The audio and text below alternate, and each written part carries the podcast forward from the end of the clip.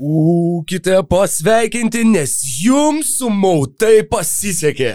Šiandieną NBO tinklalaidės naujausiame epizode mes galime pasidžiaugti ir pasidalinti tuo, jog a, vidutiniškai mažų mažiausiai 7 iš 10 kartų, kai važiuojam tinklalaidės filmuoti į Kauną, Kaune lyja. Tačiau šiandien lyjo ne tik Kaune, lyjo ir Vilniuje lyjo nuo pat a, išėjimo pro duris, o tai gali reikšti tik vieną. Mūsų šiandien laukia geriausias NBO epizodas epizodas tinklalaidės istorijoje. Be jokių abejonių tai yra tikrai uh, pati logiškiausia prielaida, kurią buvo galima padaryti, tad labai džiaugiuosi, kad šitame geriausiame epizode esame kartu su Mykolu Jankaičiu. Sveikas gyvas Mykolai. Ja, sveiki klausytojai, tikrai bent jau turinio prasme tai jo gimdyti šiandien tikrai nereikės apstų dalykų, kuriuos galima aptarti ir kuriuos galima apžvelgti, nes e, pasibaigė naujokų birža, e, nuskambėjo tam tikri mainai, vieni skambus, kiti netokie skambus ir jau šią naktį prasideda NBA nu, e, laisvųjų agentų rinka, dar kai kas tai vadina NBA laisvųjų agentų pasiutpalkę.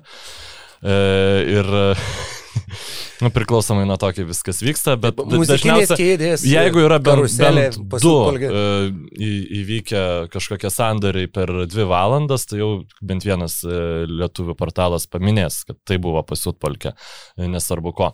Tai va, ir tikrai... Žinai, turim... kodėl ne, nemini tiesiog polką? Vat būtent pasiutpolkė, aš net nežinau, kuo, nu, pasiutpolkė turbūt labiau pasiutusi negu šiaip polka, aš taip. Nu, polka būtų, bet... aš nežinau, galbūt jeigu viskas vyktų kaip suplanuota. Nu, tiesiog, Na. jeigu va, tu, sai, va, prates... NBA mainų klumpakojas įsuko ir, ir, ir ta ir ana. Ir išmetė iš NBA lygos Davidas Irvidė, kuris, nežinau, šiaip, e, galim gal greitai iš tikrųjų pakalbėti apie Davidą Irvidį ir paskui jau perėti prie, prie nus, nuseklesnių uh, dalykų. Tai Davidas Irvidžio uh, kontraktas yra paleidžiamas, žodžiu, nu, nepaisant to, kad jisai žais pasirodo vasaros lygoj. Už tačiau, tuos pačius Detroito Pistons. Jo, tačiau visą tą nepotizmo reikalą mes jau kaip ir uh, apšnekėjom, gal net keliose tinklalaidėse praėjusią sezoną, bet tik tai prisiminimui. Uh, krepšininkas pašauktas 37 šaukimu, uh, du metai garantuotas kontraktas jam duotas ir jis sužaidė kiek 20, 20 mačų. Lygiai. Jo, ten tu net buvai minutės suskaičiavęs, berots. Ten po, po jo, po gal 7 minutės. Jo, jo, jo kad, tokios, nu, tai Um, daugiau gal nesiplėsim iš šitą situaciją. Ne, bet ta bet... situacija yra tokia, jog kai Davidas Sirvidis atsidūrė NBA lygoj, buvo pašauktas aukštų šaukimų, uh, Pistonsai atidavė du antro rato šaukimus, kad vat, gautų jo, iš Mavericks teisę, teisę jį pasikviesti. Ir jau tada atrodė taip keistai ir tas vienintelis paaiškinimas ir buvo, jog agentas, kurio tėvas yra Pistons vienas iš savininkų ir jog čia viskas vyksta dėl to. Ir vis viena dar taip atrodė, kad, nu ar tikrai, nu, bet vis tiek klubas turi kažką matyti tame krepšininkė, kad tu, kad tu va, investuotum, duotum dviejų metų garantuotą kontraktą, viso trijų metų, tačiau treti metai negarantuoti. Ir pasirodo, jog Panašu, kad viskas buvo būtent taip. Tai buvo vien tik tai uh, finansinė machinacija ir, ir uh, na, machinacija. Net ne machinacija, jo, bet machinacija tiesiog, yra kažkas nelegalaus. Pasakyt, patepimas. Tai yra, jo, nu, patepimas ir tuo pačiu nu, toks, finansinė tipo... procedūra, sakykim taip, uh, paremta būtent uh, sumom, sumomis, kurios yra išmokamos agentams ir lygiai taip pat futbolo pasaulyje eilės ir galių piktinasi, jog futbolas jau tampa nesirgalių, nežaidėjų, net nesavininkų, o agentų sportų.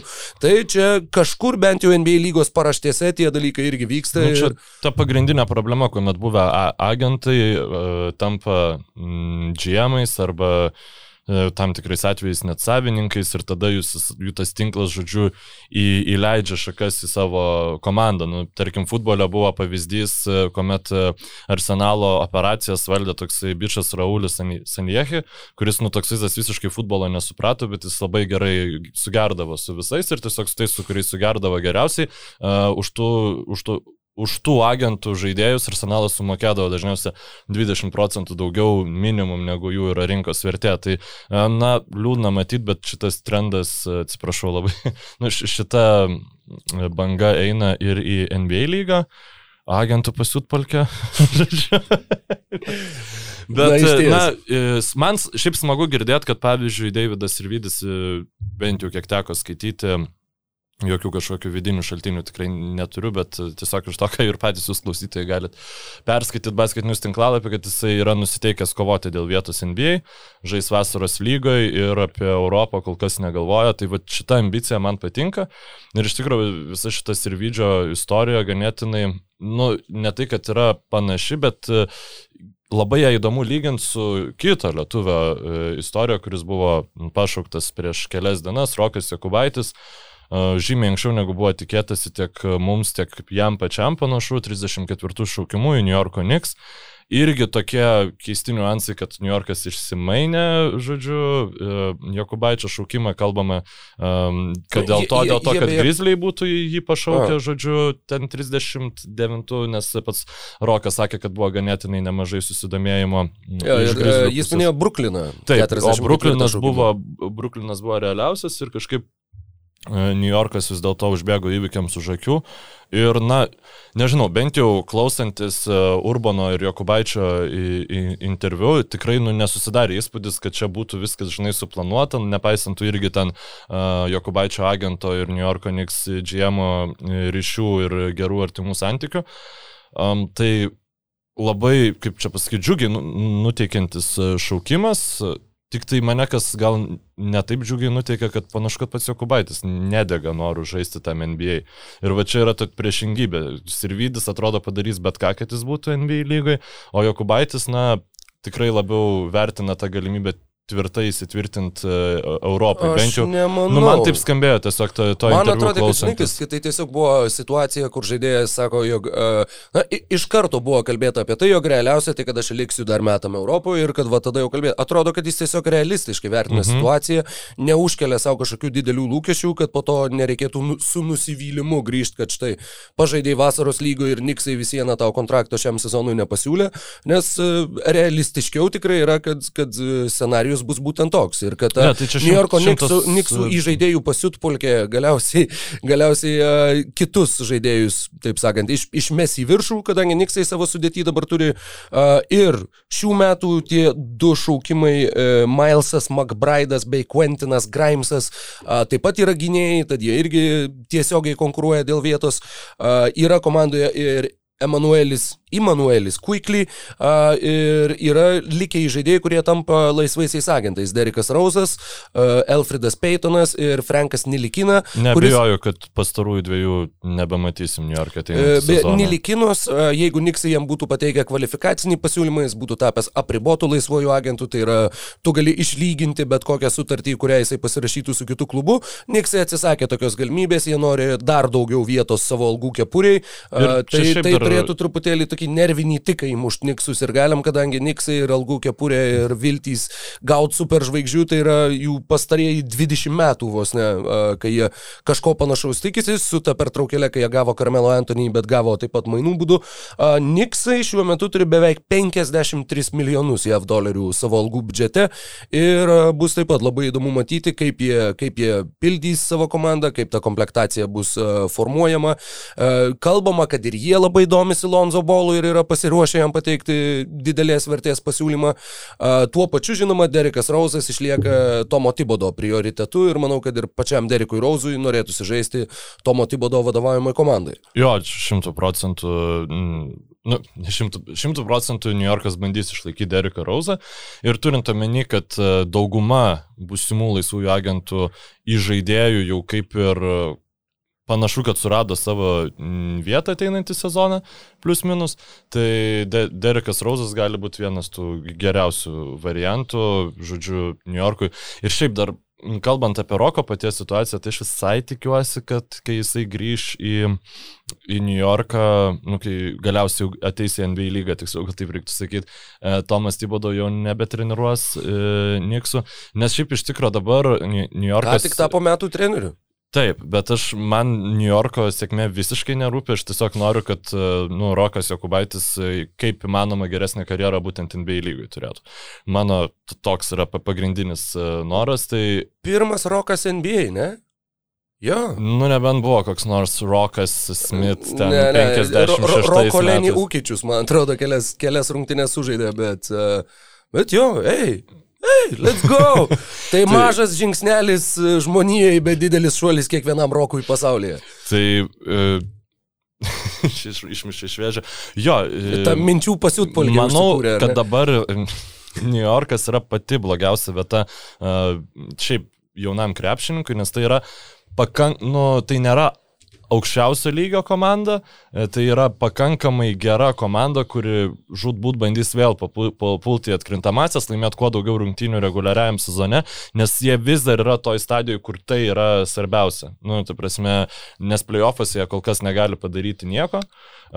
Tai jeigu, pavyzdžiui, būtų papolę, sakykime, nu nežinau, tarkim, į kokius Celtics, ten Raptors arba uh, dar geresnės komandos, kurios savo pasirodymų reguliariajam sezone yra plus minus užtikrintas, na, okei, okay, Raptors netinka iš tą palyginimą, bet uh, jie žino, kad jie turi stiprią, į komandas, kurios žino, kad jos turi stiprią sudėtį ir uh, jiems svarbiausia yra atkrintamosios ir šiaip uh, užauginta žaidėjų talentų bazę, galbūt paskui išmainyti ten kažką ir panašiai.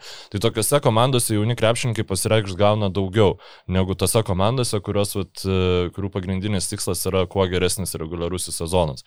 Arba, nu, kitas jau variantas yra tos komandos, kurios net neturi jokių vilčių kovoti e, dėl at, vietos atkrintamosiose. Nu, jeigu pavyks, tai pavyks, jeigu nepavyks, tai mes žiūrim labai į priekį. Tai man labiau norėtųsi, kad e, lietuviai būtų pašaukiami į trečią arba pirmą variantą, o ne į, į tą vidurinį, bet e, žinoma, jeigu Rokas gerai sužais vasaros lygoje, jeigu turės gerą sezoną Barcelonai, um, į žaidėjų atsar, ir atsarginių trūksta labai, E, lygoje. Beje, e, dar vienas žaidėjas, kurio nepaminėjau ir apie kurį visiškai pamiršau, kadangi jis jau atvyko į New Yorką ir buvo šiam sezonė New York'e, antrojo sezono pusėje, bet tiesiog nežaidė, tai Luka Vildosa. Tiksliau. Dar vienas gynėjas, kuris irgi turi, tiesa, jo kontraktas nors yra ketveriem metam, garantuotas buvo tik tai šitas sezonas, tad jau dabar galėtų Niksai jį atleisti ir veikiausiai neišmokėti jam nieko arba išmokėti kažkokią mažą numatytą kompensaciją. Tad yra, yra ir dar vienas pozicinis konkurentas New York. Niujorke ir tai, tai dar labiau apsunkina, sakau, realistiškas galimybės e, Jokubaičiai prasimušti į Niks jau šiam sezone. E, kalbant apie tas komandas, kurias vardinai, aš nuoširdžiai tikėjau, kad jeigu Bruklino Nets pasirinks Roką Jokubaitį, kad jis atsidurs Bruklinė jau šitam sezone. Ne, ja, jiems reikia žaidėjų. Tiesiog. Jo, ir jiems reikia kuo, kuo mažesnės vertės žaidėjų. Tai yra, turiuomenį, uh, finansinės būtent, kuo, kuo pigesnių žaidėjų. Ir antro rato šaukimai, jeigu pirmo rato naujokai turi tuos nustatytus kontraktus, kurie tiesiog mažėja proporcingai nuo 1 iki 30, tu negali dėrėti su jais dėl finansinės sumos, kokioj vietoj tu jį pašaukiai, tokio dydžio kontraktą tu ją mokėsi. Uh, tai antram rate pašauktiem krepšininkam klubai gali siūlyti absoliučiai ką nori, tiesiog uh, Grindys yra lygos minimalus kontraktas, kuris yra apie, man rodos, apie pusę milijono šiuo metu. Seniai nežaidžiu NBA managerio, tai dabar nebeprisimenu. Nu va, nu va, ten, aš... ten visada tas kontraktų rėžiai labai tiksliai įsiremia. Jo, ir šiaip dar yra viena priežastis, ne tik, kad nu, jam reikia pigesnių žaidėjų, bet e, jeigu, pavyzdžiui, mm, Netsai sugalvotų savo sudėti pastiprinti atlikdami sign and trade su Spenceriu Dindvidį, nu, į kažką, pavyzdžiui, iškeistų irgi kažkokį laisvąjį agentą, kuris e, būtų įsigijamas. Jiems reikėtų vieną būdu. keisti į du arba vieną į tris, nu, mano manimo. Ta prasme, jeigu jie atliktų mhm. kažkokius tokius mainus, tai jie iškart jiems būtų uždėtas hardcapas, kurio jie negalėtų uh, jokių būdų viršyti. Ir būtent vienintelis būdas tada, kas nesiskaičiuoja tą hardcapą, tai yra antrojo rato šaukimai. Ir tokių nesai pasišaukė tris. Tai tie krepšininkai, kurių ten tos pavardės dabar atrodo nieko nereiškia. E, nu, bet suraškim tas pavardės vis viena, kad ir nieko nereiškia. Bet... E, e tai yra 59 šaukimas Reikuanas Grėjus, mm. e, tada 49 šaukimas Markus Zagarovski. E, čia va įdomus tas variantas, nes čia Jo, čia amerikietis, ne, ne, nepaisant pavardės, tai yra A. amerikietis ir Kessleris Edwardsas, 44 šaukimas. Tai būtent dėl pastaro šiaip e, tikrai yra tikimas, kad jis jau galės e, žaisti bent jau reguliariajam sezone ir duoti kažkokios naudos Bruklinui, nes tai yra, na, polėjas, žodžiu, tok, tos pozicijos krepšininkų, ypač turint daug žvaigždžių, tai vis, visuomet komandoms reikia. Tai va, žodžiu, priklauso nuo to, kaip klostysis net su laisvųjų agentų rinka, jam labai e, gali prireikti tų antrųjų, e, antrų, antro rato šaukimo. E, gali būti, kad jie tiesiog paleis Spencerį Dinvidį mm, ir pasiims ten, e, nežinau, Nikolą Batumą už mid-level exception ar kažkas panašaus. Irgi ta, tai tikrai nepaliktų silpnos komandos įspūdžio. Jie bando. Deandre Jordaną atsikratyti, žodžiu, nu, tai, tai irgi geras įspūdis. Batumas, beje, porą sakinių tik tai apie Batumą, kadangi paminėjai, skaičiau, jog yra abipusis susidomėjimas tarp Batumo ir Golden State Warriors. Warriors. Ir man iškart pasirodė, kad ten, jis, va, ten jisai žiauriai tiktų. Nu, jis... Jisai tikrai būtų, va, e, kaip, kaip, kom, kaip jie atrodė tada, kai turėjo Livingstoną ir Iguodalą, kurie buvo super svarbų žaidėjai, nepaisant to, jog e, net nežaisdavo starto penketę. Nikas Batumas irgi galėtų būti tas žaidėjas, kuris įsiklijuotų į tą ir į tą finišo penketuką ir, ir apskritai visą komandos žaidimą ir tiek reguliariam sezone, tiek ypač atkrintamosiose galėtų būti labai labai svarbia figūra. Žiauriai daug komandų Nikola Batumas būtų reikalingas, tie patys Miami Heat labai apsidžiaugtų, nu, turėtų turėdami pagaliau kažkokią pamainą J. Crowderiui, kuriam, kurios taip ir nerado praėjusią sezoną. Mo Harklesas uh, nepaėjo. Jo, Los Angeles Clippers dės visas pastangas, kad jį išlaikytų, nes irgi tai buvo absoliučiai integrali um, Clippersų komandos dalis. Nu, žodžiu, visos geros komandos, e, visom reikia tokių krepšininkų kaip Nikola Batumas. Tai bus, e, čia sakykime, po Kailo Lauri vienas įdomesnių man dėmenų, kur, kur nusileis galiausiai tas krepšininkas. Bet dar, kad kol kas e, laisvuosius agentus palikim gal tinklalaidės pabaigai.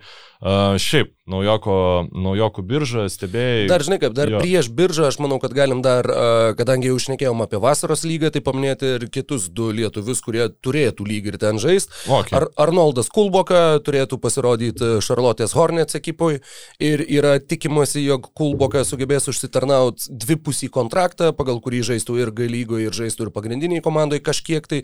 Ir tai būtų labai labai geras bilietas, labai geras šansas užsikabinti ir, žinoma, kiek realistiškai yra jį įgyvendinti ir tapti reguliarių rotacijos žaidėjų Charlotte's Hornets yra jau kitas klausimas, bet, bet apskritai tie, tie dvipusiai kontraktai, turėjom visą eilę pavyzdžių žaidėjų, kurie sugebėjo įsitvirtinti būtent tokiu būdu, pradedant nuo Alekso Karuso ir, nežinau, Terencas Manas, man atrodo, irgi pradėjo nuo dvipusio kontrakto, tad tų, tų sėkmės pavyzdžių ir sėkmės istorijų tikrai yra.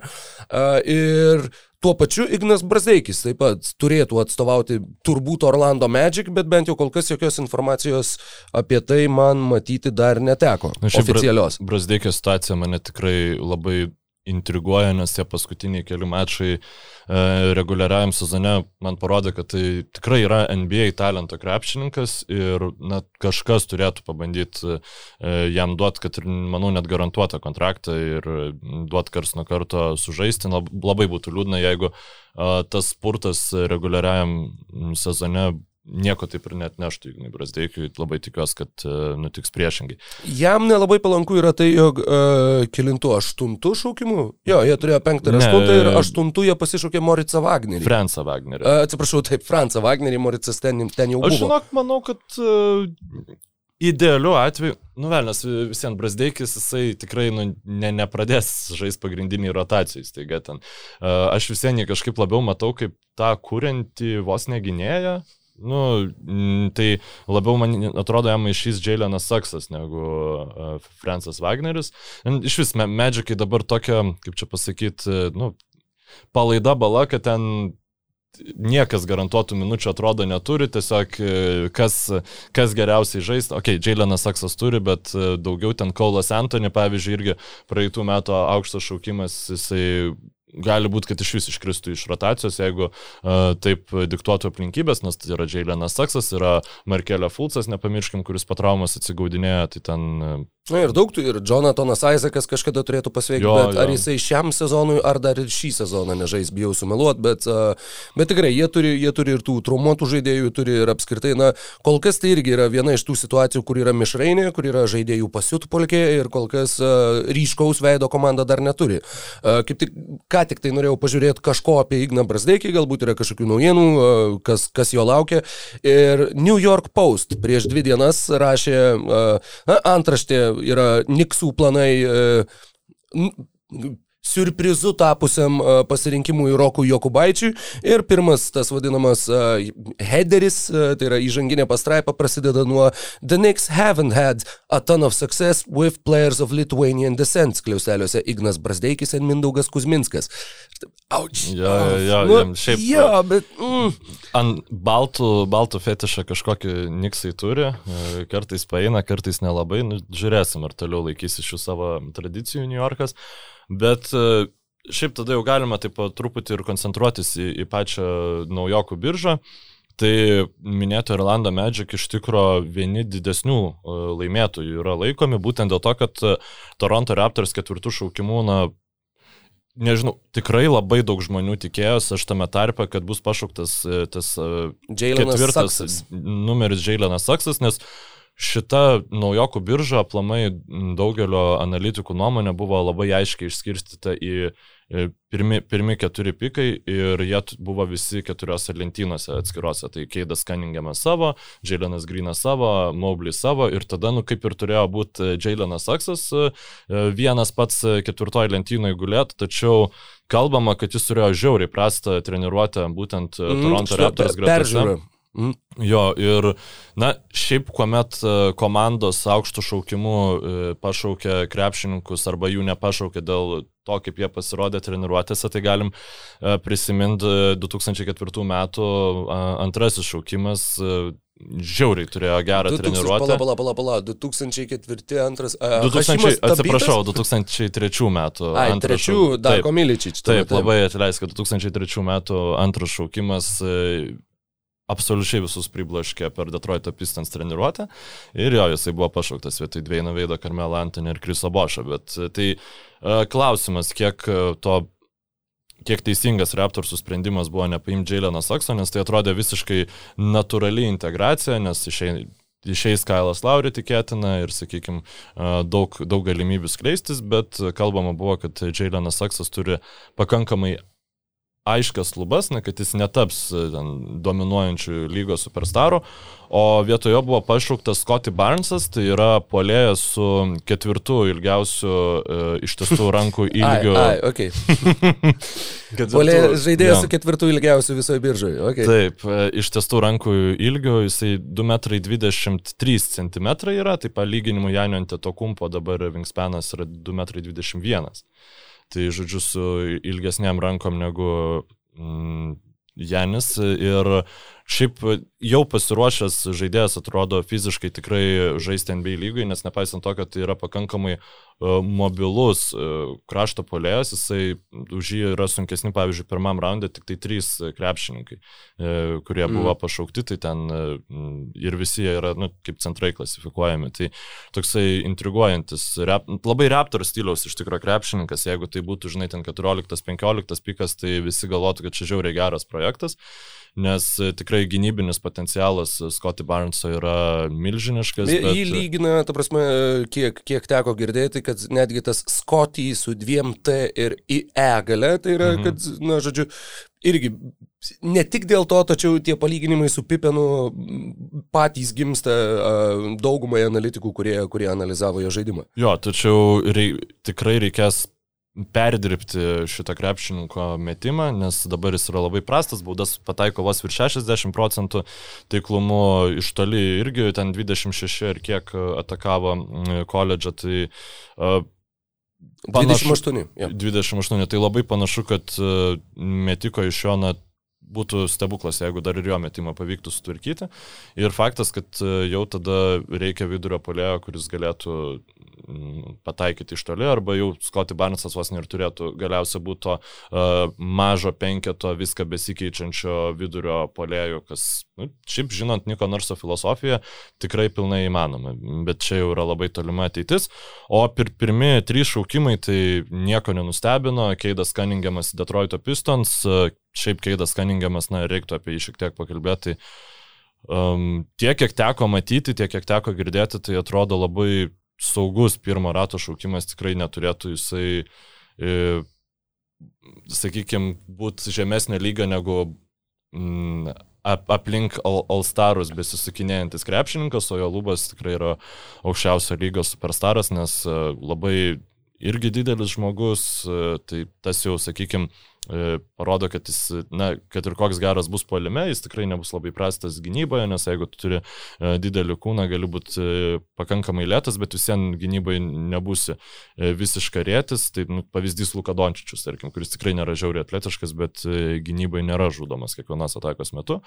O polime, sakykime, tai Keidas Kaningiamas tikrai savo žaidimo stilium daug kas jį lygina su Luka Dončičium, nes ir aikštę mato gerai ir metimą turi puikų, žodžiu, Labai įdomu. Jo, 40 procentų tritaškių koledže. Uh, šiaip, kaip, kaip, nežinau, negaliu sakyti, kad esu matęs labai daug jo rungtynių ar vaizdo įrašų, bet iš tų ten pusvalandžio ar 45 minučių, kurias praleidau šiaip iš smalsumo žiūrinėdamas. E, tas žaidimo stilius truputėlį primena tiek Lebroną Jamesą, tiek Beną Simonsą, kad tai yra tas fiziškai labai tvirtai sudėtas, bet kamuolį kontroliuoti mėgstantis krepšininkas. E, Luka Dončičius nėra fiziškai tvirtai sudėtas, tačiau ūgio atžvilgių irgi yra kažkas. kažkas yra didelis bičias. Jo, jis, jis tikrai yra, uh, nėra ke, su ketvirtu ilgiausiu galbūt, bet uh, 2 metrai 3 centimetrai, tai uh, tai pozicijai tikrai aukštas, kadangi jisai gali žaisti kaip tas pirminis e, kamulio kontroliuotojas, polimo iniciatorius ir uh, jo, žmogus, kuris iš karto vos pašauktas kalbėjo apie tai, kaip uh, svajoja gražinti Detroitą į, į, į aukštumas, jog uh, labai daug domėjosi tiek apie Bad Boys, tiek apie, kaip jin vadinosi, Get to Work, man atrodo, vadino tą komandą, kuri tapo čempione 2004. Ok, ok, šitą net aš nežinau. Man atrodo, Get to Work Pistons, tuoj pat pasitikrinkim, kad, kad būtų ramu įdomu. Ir jo, žaidėjas, kuris tikrai nori būti Detroite, kuris, na, atvyksta iš karto su, sakykime, su užsidegimu, su vat, noru įsilieti į tą organizaciją, kas irgi yra labai svarbu, kalbant apie aukštus šaukimus. E, jo, Going to Work Pistons. E, turėjo tokią pravardę, būtent 2004 metų komanda. Ir tuo pačiu pravardę jau bando prilipinti ir, ir jam, Detroito vietinė žiniasklaida, nori jį vadinti Motorcade, kadangi motorų miestas, Detroito stumokliai ir visa kita. Ir bus labai įdomu, kadangi Pistons tikrai kaupia įdomią jauną sudėtį. Mane kas tiesiog, nu, nežinau, iš karto sukėlė didelį juoką dar gerokai prieš biržą, ten kokį mėnesį ar gal netgi daugiau, kai buvo kalbama, kai paaiškėjo, kad Pistons jau turės pirmą šaukimą, žodžiu, po loterijos, vienas iš The Ringer kaž, kažkurių tai, žodžiu, viena iš tinklalaidžių ir kur Kevinas O'Connoras iškart šneka apie tai, kad ir su Kilianu Heisu, jis gali žaisti su Kilianu Heisu, kur Ke Kevinas O'Connoras buvo žmogus, kuris šnekėjo, kad Kilianas Heisas yra galbūt geriausias krepšininkas 220 biržoje, nu, pasaulyje dar ne, bet jo lubos yra milžiniškas, bla bla bla. Nu, jis žiauriai šūdina tą pirmą sezoną turėjo, nu, jis nieko nepadarė. Jo, turėjo traumą traumą, dėl to kurį laiką nežaidė, bet, nu, tikrai absoliučiai nestebuklingas krepšininkas ir dabar vis viena, va, jie pasiškė Keidą, jis gali žaisti. Bet šiaip čia, žinok, yra vienas pagrindinių Keido Cunninghamo pliusų, net ir žiūrint į ateitį, kad nereikia tavo aplinkį statyti, bent jau kol kas nu, nėra būtina kažkokio labai specifinio stiliaus krepšininkų aplinkų jį, nes sakykime, jeigu jis, taip jis panašu, kad gali būti ir pagrindinis bičias komandos, bet jis lygiai taip pat gali žaisti ir su, su kitu kamoliu dominuojančiu krepšininku, nes jis puikiai juda be kamoliu, jis puikiai pataiko, jis gali keistis gynybai ir čia yra žiauriai svarbu, nes tarkim Detroitas, jeigu, sakykime, vėl turės prastesnį sezoną, jam nereiks galvoti, oi, čia, nu, jie galės imti geriausią krepšininką tiesiog, kuris yra... Mhm. E, yra pasirinkimas. Jo, kad tai yra plitudė, žmogus, tai... kur tau nereikia statyti aplink, jo, aplink jį komandą. Na nu, čia kaip Kevinas Durantas, tu jį, tu prasme, ja. bet... bet mm, ne dėl to, kad žaidimo stilius būtų panašus, jo, bet, bet būtent bet tuo atžvilgiu. Ir Nes aplink Lebroną tau reikia statyti komandą, aplink, nežinau, Simonsą tau reikia statyti komandą, aplink Dončičių tau reikia statyti komandą, aplink Russellą Westbrooką tau reikia statyti komandą, apie šitas detalės irgi pašnekėsim jau visai neužilgo.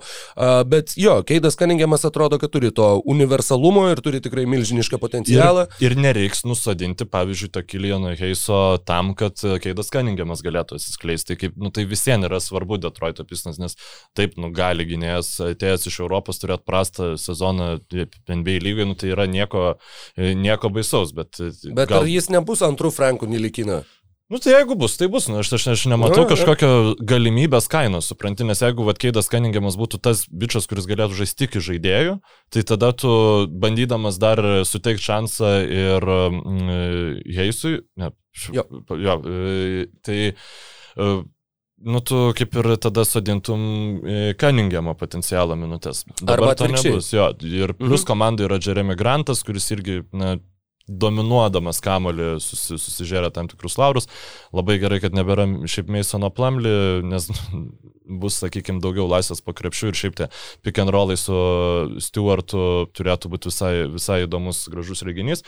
Vienintelis, sakykime, Cunningham gal toksai kaip ir minusas, na, kad tai nėra atletiškai labai įspūdingas krepšininkas, jisai tikrai ten, nu, gal kokį vieną kitą dėjimą įdės, bet ne, ne, nebus tas Zajano Williamsono, mm. e, ten Žamo Ranto, nu, mes pripratom gal prie tokių labai e, e, e, sprokstančių jo, jo, jo e, naujokų, bet, na, labai nustepčiau, jeigu, sakykime, po ten kokiu dešimt metų mes žiūrėtumėm iš tą šaukimą kaip į nepasiteisinusi kažkokį.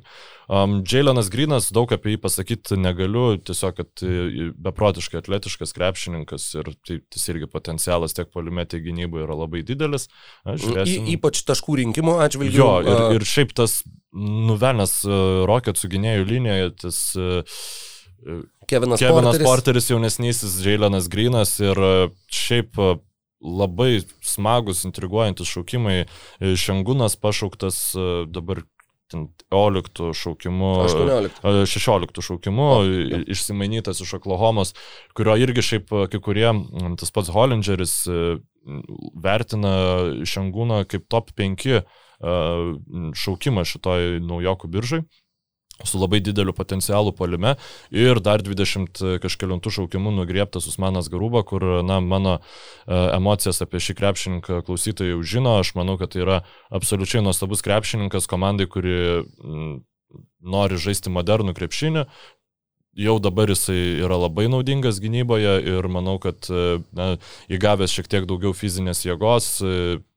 jis Houstone tikrai turės labai gražią karjerą, nu, nebent ten išmainytų jį, bet tas pats Krištinas Udas, aš nemanau, kad bus didelių problemų jam žaisti šalia vieno iš minėtų krepšininkų ateityje. Tai yra labai skirtingos stiliaus krepšininkai ir Houstonas bus intriguojanti komanda ateinantį sezoną, bent jau tą uh, žiūrėjimo prasme tikrai uh, bus tokių siautulingų naktų iš tų pašauktų krepšininkų.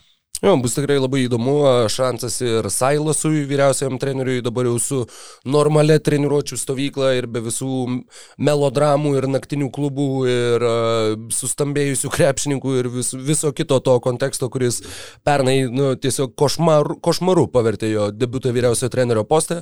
Uh, tad dabar, na, tikėkime, kad tikrai, kad, kad Houstoną bus stebėti daug įdomiau, kad tai nebus tas toks uh, irgi likučių, tiesiog uh, viskas sukrauta į vieną lėkštę ir pateikta kaip patiekalas, o kur jau bus galima kažkaip tai jau su, sumaišyti tuos ingredientus ir žiūrėti, kokį, kokį, ką galima paruošti iš tikrųjų iš to, kas yra užsilikę tavo šaldytuve ir iš to, ką tu pasėmė ką tik. Ir šiaip e, Houstono uh, Rockets fanai mačiau kažko, kažkokį tweetą iš vieno ten jų puslapio, gal Clutch City, kur sakė, mes jau turim Keviną Porterį jaunesnį ir Jaileną Greeną.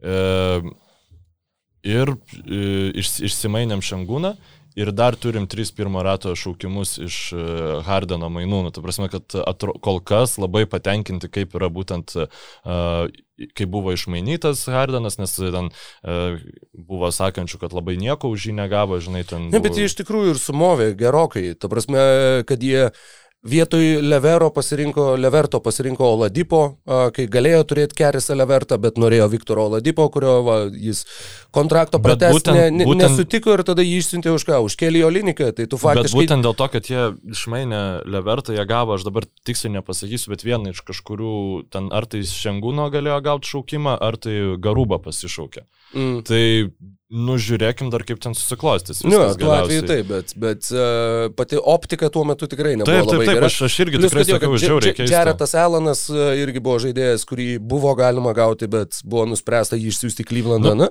matant dabar, pavyzdžiui, ką jie pasišaukė, tai labai akivaizdu, kodėl jie Jareto Alano nenorėjo, nes jie pasiemė, uh, sakykime, du vidurio polėjų, nu, du aukštus krepšininkus, ten Čengūno pozicija dar tikrai nėra e, e, apspręsta galutinė, taip pat ir Garubos, bet jie turi būdą ir, sakykime, šitus du ir galbūt Jareto Aleno mobilumo, universalumo, jam tiesiog trūko, tai žinai, galutiniai komandos vizijai. Ir iš tikro, e, taip pat e, ir Clevelando Cavaliers dabar pasišaukė Evaną Maublį.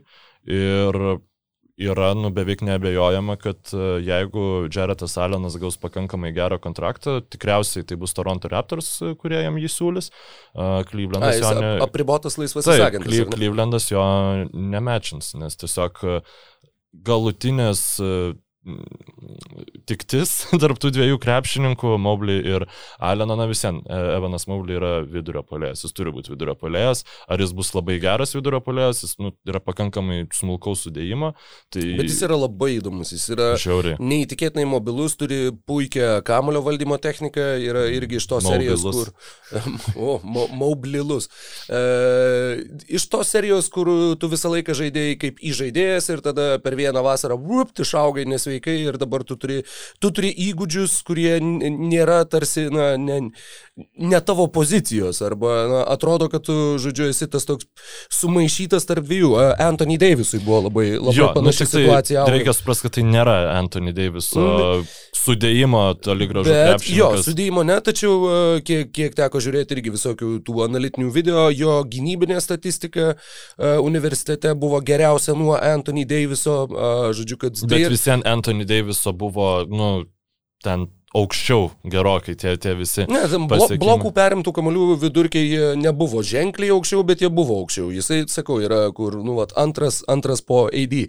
Uh, ir tuo pačiu, kad yra kalbama, jog tai yra žaidėjas, kuris, jo, kuris e, turi potencialo rinkti trigubus dublius ir tuo pačiu e, būti kandidatu geriausiai besiginančio lygos krepšininko rinkimuose. Ne pirmame sezone, tačiau apskritai kalbant apie jo žaidimo stilių ir apie, apie tą įgūdžių paketą. Jo lubos yra beprotiškai aukštas. Tikrai, manau, nu, ta prasme, ne, ne žemesnis negu Grino ar net Cunningham. Tačiau va, tas tiesiog, nu, tai yra labai kūdas krepšininkas, smulkaus sudėjimo ir, nu, tu negali žinoti, ar jisai turės tą NBA paruoštą kūną, nes nu, vis dėlto jo reikia, jeigu tu nori tapti tvirtų lankus, lankos augotojų, tu, tu turi sustiprėti. Uh, tai geriausia, aš manau, kas, kuo tai galėtų užsibaigti, tai, vat, kaip pavyzdžiui, Krisas Bošas, kuris irgi, sakykime, buvo tas vienas iš pirmųjų tikrai mobilių e, vidurio polėjų, ten, sakykime, irgi padiktavo tai aplinkybės, nes hit nesugebėjo surasti to tikro centro ir dėl to jiems, na, gavosi tik geriau. Tai e, labai šiaip intriguoja e, ateinantį sezoną Clevelandas, Įdomu, va, ar dabar mainys tas Sexton ar nemainys, aš manau, kad tikrai drąsiai gali bandyti žaisti su tuo, ką jie dabar turi ir galbūt gebės žaisti visai smagų krepšinį. Memphis Grizzly išsiuntė Joną Valančiūną į Naujo Orleano Pelicans, pagrindinis jų laimėjimas buvo dešimtasis šaukimas, buvo kalbėta, jog jie labai domisi australu Joshu Gidį, kurį šeštų šaukimų nugvelbė Oklahoma Standard ir dešimtasis Memphis Grizzly šaukimas buvo Zairas, Agnes Zijairas, uh, Zairas Williamsas uh, ir kiek teko taip pat skaityti, ta, tą žaidėją jie labai realu, jog būtų galėję pasirinkti ir 17 šaukimų, jeigu nebūtų atlikę tų mainų, kadangi na. jis nebuvo vertinamas labai aukštai, tau teko improvizuoti, tavo numatytą taikinį pasėmė kiti ir tada taip išėjo, jog na, tai, tai tarsi numušė tų mainų prasmingumą. Kol kas atrodo, kad jo, kad nu, visiškai valančiūnas ir tie blogi, blogi kontraktai buvo prisimti, sakykime, bereikalingai. Ganėtinai primena Vinslo situaciją, kur tu prisėmė detalą. Jie beje jau ir... atsisakė komandos opcijos pratęs kontraktą su Vinslo. Taip, Vinslo kur, tampa laisvuoju agentu. Kur tu iš pradžių padarai, atrodo, labai smartį įimą, kad, nu, kaip ir viskas gerai ir tada iš to nu, rezultato užbaigiančio gražaus nebuvo. Nu, bet mes aišku nežinom. Tai, kad tu pasakai, yra tiesiog turimos informacijos interpretacija, kuri tikrai nebuvo patvirtinta ten e, toli gražu ir niekada nebus ne, ne vieno iš Memphis Grizzlies e, atstovų.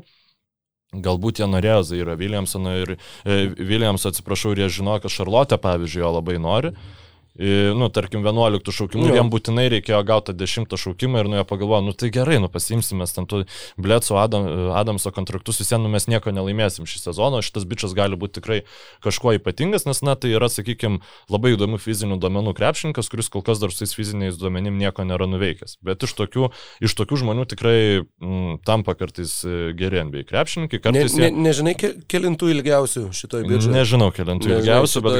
Ilgiausių pasiutpolkių. Tikrai galiu pasižiūrėti, kelintas ilgiausias. Ir aš šiaip atsiprašau klausytojų, nepasimu nei kompiuterio, nei planšetas, kažkaip iš, iškrito iš galvos, tai reikia dabar ilgiausius žiūrėti, e, ilgiausius žiūrėti telefone. Nu, žinok, kad nieko įspūdingo, kiek skrolinu, Taip, to ilgiausio sąraše ne, o, neatsiranda. O, o, o kieno ilgiausias šitoje biržoje? E, ilgiausias šitoje biržoje yra, e, aš nežinau, ar tas bičias buvo pašauktas, tai Nimijas Kueta. E, tai tiksliai nepasakysiu. JT Toras, man atrodo, yra su ilgiausiu iš visų pašauktų. Um, bet dar, bet šiaip kieno patik, pakankamai ilgas wingspanas. Nimijas Keta, jo, pašauktas. Pašauktas. 39 šaukimų labai įdomu. Centras Sacramento King šaukimas 39 šaukimų tai yra Portugalas. Okay. Labai labai reta pamatyti Portugalijos vėliavą naujokų biržų kontekste visiškai praleidau.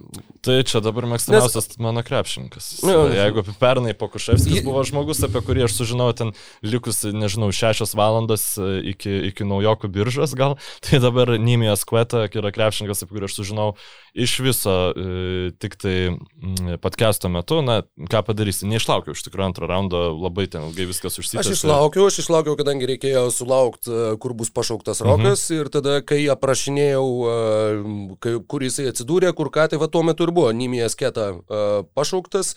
Nu, atrodė, kad, kad girdėjau tą pavardę, o vėliau tai tiesiog, aha, jau viską sudėjau, tai dar taip, kur galva ant pagalbės ir žinai, kai laptopą taip va pasiverti. Kad... Čia yra tas nu, didžiausias saviapgaulė pasaulyje, kur jo, jo.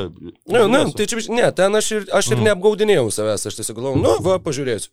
Ir kažkur tai ten taip, taip jau pradėjau atsijunginėti maždaug prie ties Juhanų Begarinų, jo dar atsiminu vardą pavardę, toliau dabar skaitau, kad mm, ne, nelabai. Šiaip apie naujokų biržą dar tokį patį formatą formato e, dalyką norėčiau pasakyti. Man, pavyzdžiui, žymiai labiau patiko pernai, kai Hebra buvo iš savo namų, iš savo aplinkų, nu buvo žymiai, nu taip įdomiau lyginti, žinai, kur ten kažkas sėdi tokiam, nu tikrai palyginus skurdžiam būtai ir tu matai, kad čia bus, nu, ant kiek tai yra šitam krepšininkui svarbu. Arba Denny Avdija su... O Denny Avdija ten užsakytas restoranas, dėdės ten su, su cigarais, sėdi, žinai, kokius sandorius visokius vykdo ir taip toliau. E, jo, tikrai tokio asmeniškesnis tas susipaži, susipažinimas su tais žaidėjais ir kažkaip, vat, ne, ne žaidėjas, atsiprašau, aplamai žaidėjais. Ir dėl to aš ir atsimenu, kad atėjau į tą podcastą po naujokų biržos, kupinas, kupinas įspūdžių, nes atrodo visi tie krepšininkai tokie e, jau aiškus labai patapo, žinai, tikrai žinai, kad jis e, bus kažkuo, dabar, dabar tos emocijos nėra. E, dar šiaip apie mm, loterijos šaukimus, ką norėčiau išskirti, tai... Je, jeigu galėčiau dar prieš tai dėl visada. pačios transliacijos įsiterpt, pasirodo, buvo dvi skirtingos transliacijos. Viena buvo per ABC, kita buvo per ESPN. Vienoje iš... Aš galvojau, kad ABC ir ESPN duoda tą patį streamą. Pasirodo, nes mes su tavimgi išnekėjom e, ir aš sakiau, kad kaip keista, kad visiškai nekalbina tų krepšininkų, tu sakai, kaip nekalbina kalbina, taigi kalbina. Tai pasirodo, Aha. mes žiūrėjom dvi skirtingas transliacijas. Vienoje iš jų jo buvo kalbinami krepšininkai, užduodami jiems e, tie tradiciniai klausimai ir kur visi šnekėjo kaip I wanna win. Aš nemačiau tos, bet aš puikiai žinau, ką, jo, ką jie šnekėjo. Tikrai, tikrai nieko nepraleidau. O kitoje transliacijoje uh, sėdėjo tiesiog na, ekspertų ratelis ir jie aptarinėjo visus, visus pasirinkimus. Jeigu tu žiūrėjai ESPN, tu nematėjai Kendriko Perkinso šedevro? Nematei ar matei? Ne, ne šitą. O Jėzau, būtinai reikės to pradėti. Šita... Moses Moody? Jo, band... Moses Moody? Moody, Moses Moody? Moses ja, nu, Moody, aš, šit, Moody, aš šitą mačiau, ta prasme, bet jau, jau ryte, žinai, atsikėlęs. Mm, tai nu, vad aš žiūrėjau būtent tą, aš tą, aš tą girdėjau gyvai ir buvo labai jokinga, kur irgi, aha, čia tą pasišūkė, tu čia žymiesi, ką pasišūkė ir tu girdi tiesiog, net nematai, bet girdi, kaip jisai bando ištartą vardą, pavardę. Nu, ten atrodė, kad po poros kartų jisai, kai jam porą kartų natūraliai jau... neišėjo, jau pradėjo specialiai daryti bairį iš to, žinai. Bet, bet, šiaip... bet pro, pro, man, man labai patiko, kad buvo išspausta ir jisai apie Roką Jokubaitį irgi turbūt matė, kur sakė, kad, nu, aš tikiuosi, kad man daugiau, jeigu man reikės dar sėki jį kažkur tai vadinti, aš jį vadinsiu Roko Joko. Ir, na, skamba kaip nu, japonų krepšininkas, bet, bet Kodėlgi ne? Tikėkime, nesugriaus bitlų Rokas Jakubaitis. Ir šiaip apie Moses Moody pakalbėjai. Tai uh, Golden State Warriors, aišku, vėl šiemet prieš naujokų biržą bandė gauti tą bičią, iš, išmainydami savo šaukimus. Jie, jiems vėl to nepavyko padaryti ir jie pašaukė mm, septintų šaukimų Jonathaną Kumingą, kuris, sakykime, ma, mažiausiai turbūt galinti savo vertę numušti krepšininkas, nes niekas iš jo nesitikė gero sezono, bet visi mato e, atletiškumą, potencialą šito krepšininko ir šiaip matydamas e, kumingos tipą, aš tikrai galvoju, žinau, kad Warriors gali bandyti e, Paskalis Jakamą gauti iš Toronto Raptors. Nes tiesiog, nu, kuminga tikrai būtų krepšininkas, kurį Nikas Narsas su, su kompanija pasimtų trindami tai ranką. Čia labiau kad... Torontas bandytų jį gauti, jeigu sugalvotų, kad, kad jie sutinka išsiųsiekama. Ne, nes e, man teko skaityti šį rytą, va dabar va, važiuojant į Kauną, jog e, Warriors kiek turi va, visus tuos savo, sakykime, žetonus, e, tai yra ir Vigenso kontraktas, kurį tu gali lipdyti, yra Weismanas, yra dar ateities šaukimai, kad visus tuos, sakykime, savo resursus jie išnaudotų tik tai vienu atveju, kad gautų tik tai vieną žaidėją, tas vienas žaidėjas yra Bradley Bylas. Jo. Jeigu tai nėra Bradley Bylas, tuomet jie, jie nesivargins ir jie nemato faktiškai, nu, vat, nu krepšininko, kurį, yra... kuriam būtų verta, žinai, visą tai. Visą tai Taip, na, aš tikrai tai tą suprantu, nes kre, Siekamo ar ten kokio tai šiaip dar nu, žemesnio lygio negu Bradley Bylas krepšininko įsigijimas, tai būtų vėl brangus malonumas e, e, Golden State'ui. Tačiau, nu, klausimas, žinai, ar, ar tu nori maksimalizuotos paskutinius e, karis sezonus, ar nori bandyti kažkaip ištobulinti tos krepšininkus. Na, Weizmano pirmas sezonas labai neįkvepiantis buvo. Klausimas, kaip klostysis skumingai ir ar nebus taip, kad tu iš tų savo pikų, iš kurių vat, vis tikėjais kažką gauti, nes, nu, jie, jeigu jie būtų labai patenkinti dabartinę situaciją, tai jie, nu, ne, nebandytų taip aktyviai tų šaukimų išmainyti. Ir ar bus susitaikyta su tuo, kad tu Bradley bylą negausi ar nebus. Ir, nu, tas, tas labai įdomu, aš manau, kad tokio kalibro krepšininkas kaip Paskalis Jakamas ir panašiai, nusakykime, nebūtinai būtent jis, tikrai gali papildyti e, Golden State ateinantį sezoną. Jeigu tik tai, nu, jeigu Clay Thompsonas bus pakankamai geros sportinės formos, jeigu Kari bus toks, kokį mes matėm praeitą sezoną, net tikrai žinok, manau, kad gali ir, ir ne, ne Bradley bylo mainai būtų atlikti, nes panašu, kad neturi resursų jie. Jo, sezono eigoje, taip, manau, kad jeigu mes jau artėsim prie mainų lango užsidarimo, priklausomai nuo jų rezultatų, ta vizija tikrai gali keistis, bet būtent šiai dienai, va dabar va, laisvųjų agentų rinkos atsidarimo išvakarėse, jau net kaip čia reikėtų sakyti, iš, iš popietėje. Žodžiu, jinai startuoja šią naktį Lietuvos laiku nuo pirmos valandos, tad jeigu dar nemiegosit šią naktį, mes e, kalbamės rūpiučio antrą dieną pirmadienį, e, tai jeigu, jeigu kamuos nemiga, pirmą valandą galite įsijungti Twitterį ir, ar kažkokį kitą, nežinau, per, per kur gaunate krepšinio naujienas ir kur jų ieškot, ir jau pamatyti pirmosius perėjimus ir pirmasis naujienas. O kas norit išsimegoti, nepamirškit uh, e, užmūtinti savo telefoną, nes visi jūsų turimi apsai siūs tą pačią informaciją po tris kartus. Tai ten, žinai, Bleacher raportas, The Athletic ir, ir, ir jeigu Basket News appsą turit, manau, irgi notification gausit. Tai m, mm, šiaip čia labai blogas laikas, tai pirma nakties, nes tai yra maždaug, kada aš bandyčiau eiti mėgoti ir, žinai, nu, eisi mėgoti ir tada prasideda visas nesąmonės, bet Užbaig, nežinau, dar. Smagu, man tai yra taip smagu, kad mes vėl ateinam prie to, nu, atsakau, tas toks virsmas įvykstantis, kur vėl atrodo viskas nusinulina. Tai va būtent šita naktis, va šią naktį oficialiai mes žengėme į 2021-2022 sezoną. Va dabar va yra tos, tas sezono gimimas įvyks už kelių valandų ir, ir uh, visa ta vėl iš naujo uh, gimstanti vaizduotė, fantazija, vėl iš naujo pradedi žiūrėti, visai kitaip galvoti, visai kitaip vertinti. Jeigu dabar žiūri į tai, kas buvo šitam sezone, tai dabar jau vis viena jau smegenys tarsi savotiškai persiverčia ir pradedi galvoti, kad o kaip tas, kaip tas bičias atrodys šiais metais, kaip čia vyks tas, kaip čia vyks anas, kaip vyks trečias.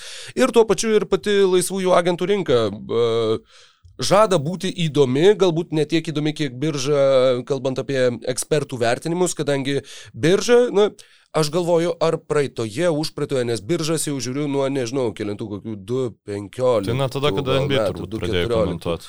Jo, maždaug 14-15. Uh, e, tai neatsimenu, ar yra buvę tikrai tokių biržų, kur sakė, kad o, kokia puikia birža, čia yra tikrai labai labai puikia birža, bet šiais metais daug kartų ir daug kas pačios transliacijos metu minėjo, jog šita birža gali būti geriausia nuo 2-3.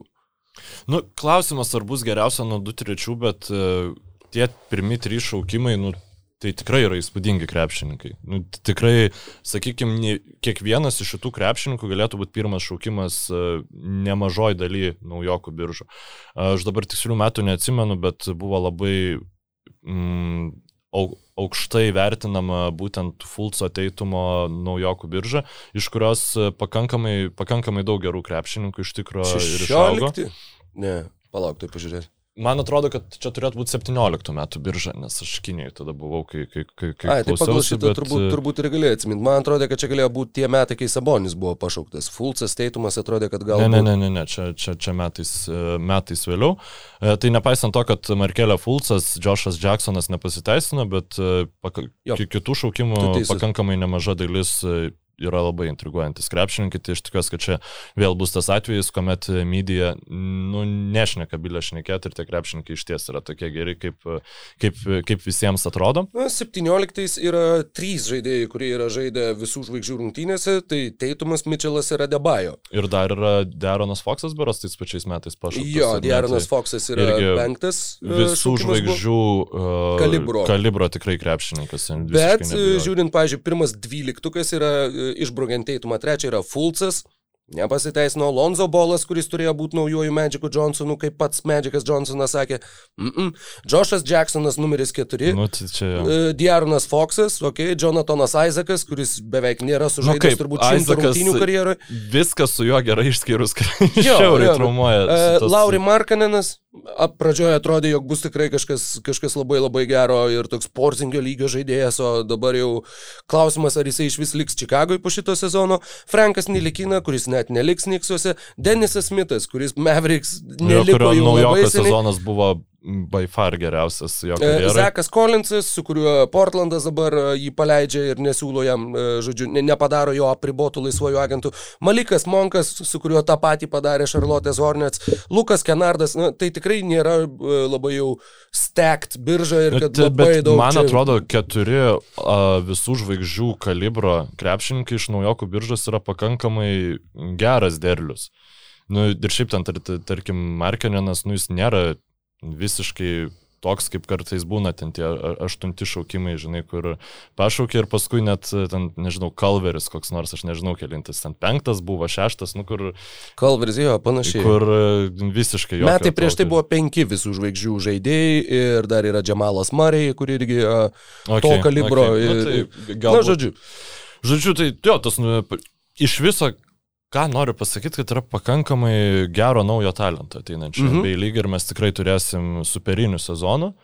Um, kalbant apie superinius sezonus, tai manau, kad toks nelaukia Los Angeles Lakers po at atliktų mainų.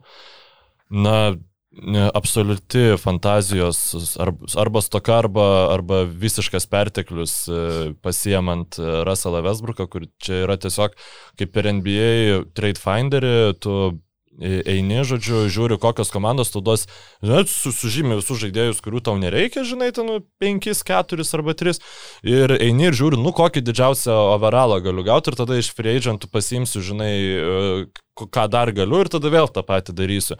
Dzinka tas e, Russellas ir, ir net per NBA 2K uh, kai pasiemi tu krepšininką, kurio ten visos tos tendencijos yra labai aukštos, jis tada e, gadina tavo e, geriausių krepšininkų statistiką, jie ten tampa nelaimingi ir tada ta tavo komanda e, subyra ten po, po vieno, dviejų sezonų. Nu net NBA 2K šitą žino. E, Robas palinka, ne, duokit va Vesbruko MVP labai gerai. Nu, nu, Matai, dar blogai, yra klausimas, kiek, kiek tai yra Robas, Robas Pelinka ir kiek tai yra Lebronas Džeimsas. Kadangi vėliau pasirodė irgi ten pranešimų, kur, kas irgi visai prajuokino, kad ten gal prieš porą savaičių jie buvo visi trys susitikę, ten, ar pas Jamesą, ar pas Davisą namie, žodžiu, Lebronas, AD ir Westbrookas, ir ten jie šnekėjo, ir ten jie sutarė, kad Anthony Davisas daugiau žais centru, kad Lebronas Jamesas daugiau žais uh, sunkiuoju kraštu. Apie Russellą Westbrooką nebuvo nieko, kad jisai ten, nežinau, su, sutiko, kad, kad jam reikia nemėtyti nesąmonių, arba nu jau. Uh, bet, bet uh, šitas mane irgi visai prajuokino, nes atrodė, kad tai kaip jūs ten pasiklausimo įrangą įrengėt, ar, ar kokiu čia būdu jūs būtent nu, žinot, kad jie trise yra... namie sėdėdami in... šnekėjo būtent apie tai. Nebent vienas kažkuris iš jų trijų papasakojo, arba tai yra... Tiesiog visiškai... sutartas iš, kaip čia pasakyti, PR'as, žinios, te, kurios yra palaimintos tų krepšininkų arba bent jau jų atstovų, agentų, žinai, kad visa, visa šitų mainų optika būtų geresnė. Kaip tavo šiaip ta pagrindinė emocija šitų mainų?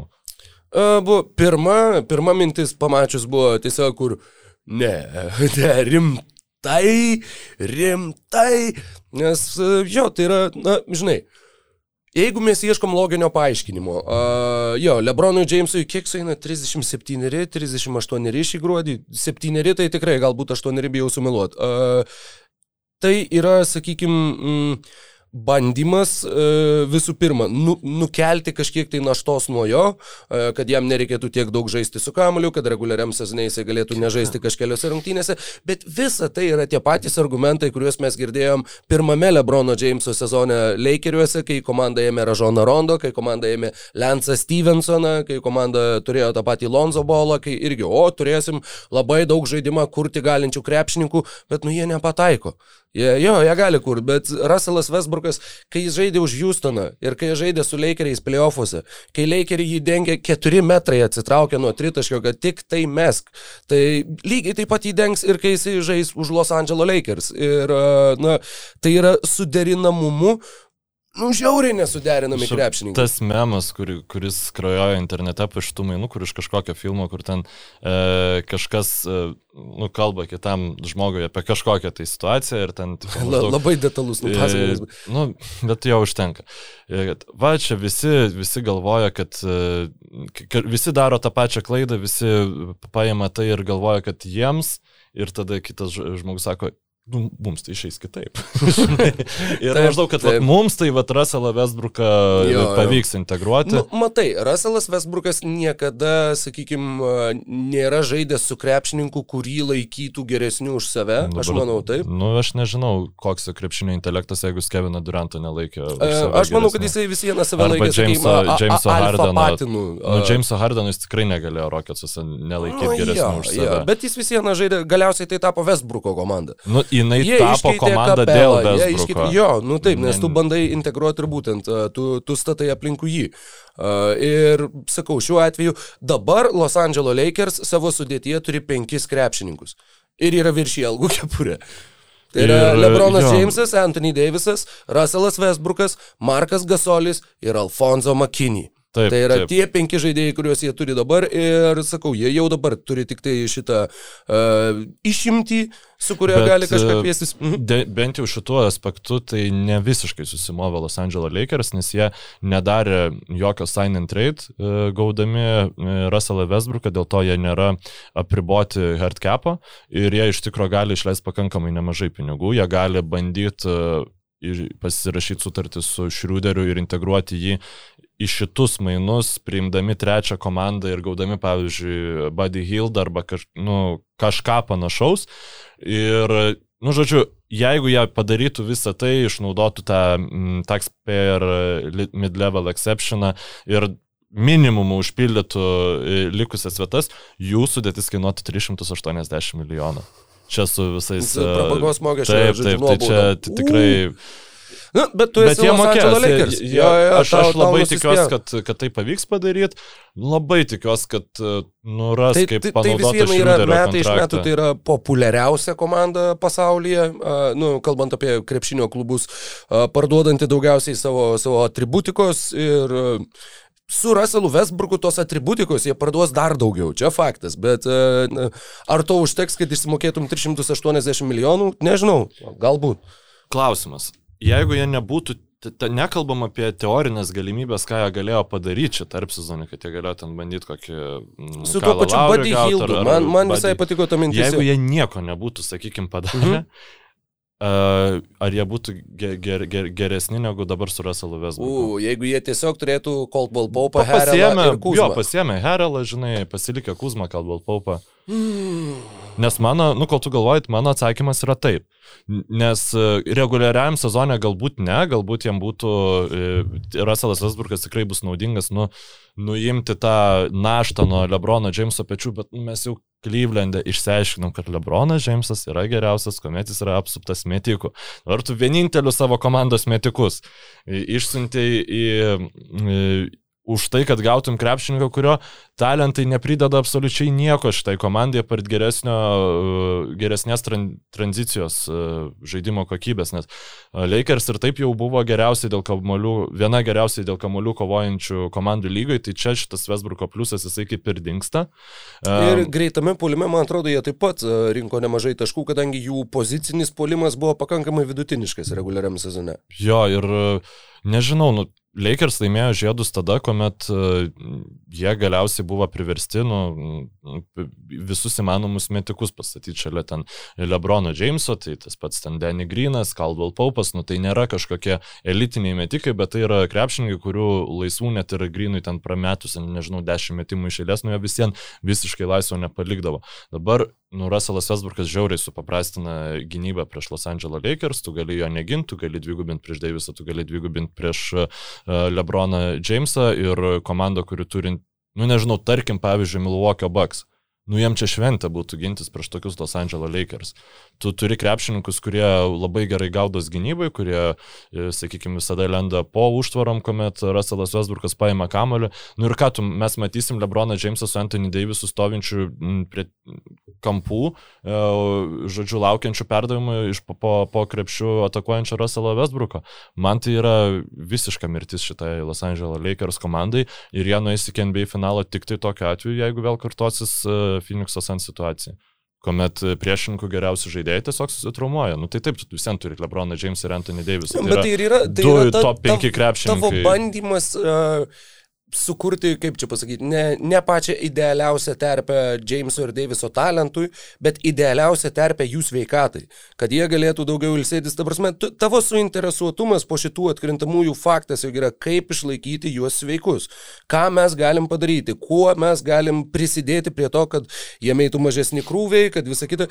Iš vienos pusės žiūrint, tu labai nori, kad jie meitų mažesni krūviai ir juos būtų pastomi pozicija aukščiau, tai truputį prieštarauja logikai. Bet... Ir tu vis vienu, tai playoffuose tai jie turės žaisti kiekvieną minutę, iš esmės, ir tu vis vienu gerai, nu kas iš to, kad jie ateis atkrintamasis kaip ir galbūt teoriškai sveikesni, nors aš labai smarkiai abejoju, nes Lakersai neturės e, gilios rotacijos ir visiems reikės e, Jamesui ir Davisui žaisti, nes jeigu jūs pasižiūrėtumėt, kaip Wizardsai su Westbrooku atrodė praėjusią sezoną, kur, nu taip, ten turėjo gerą sezono pabaigą, bet jie šiaip dar turėjo ir sezono pradžioje tai atrodė. Ir, uf, tiesiog, ir jie žaidė rytų konferencijų. Mhm. Vakaruose to, tu beveik kiekvienas tavo rungtynės bus prieš labai, labai rimtą komandą.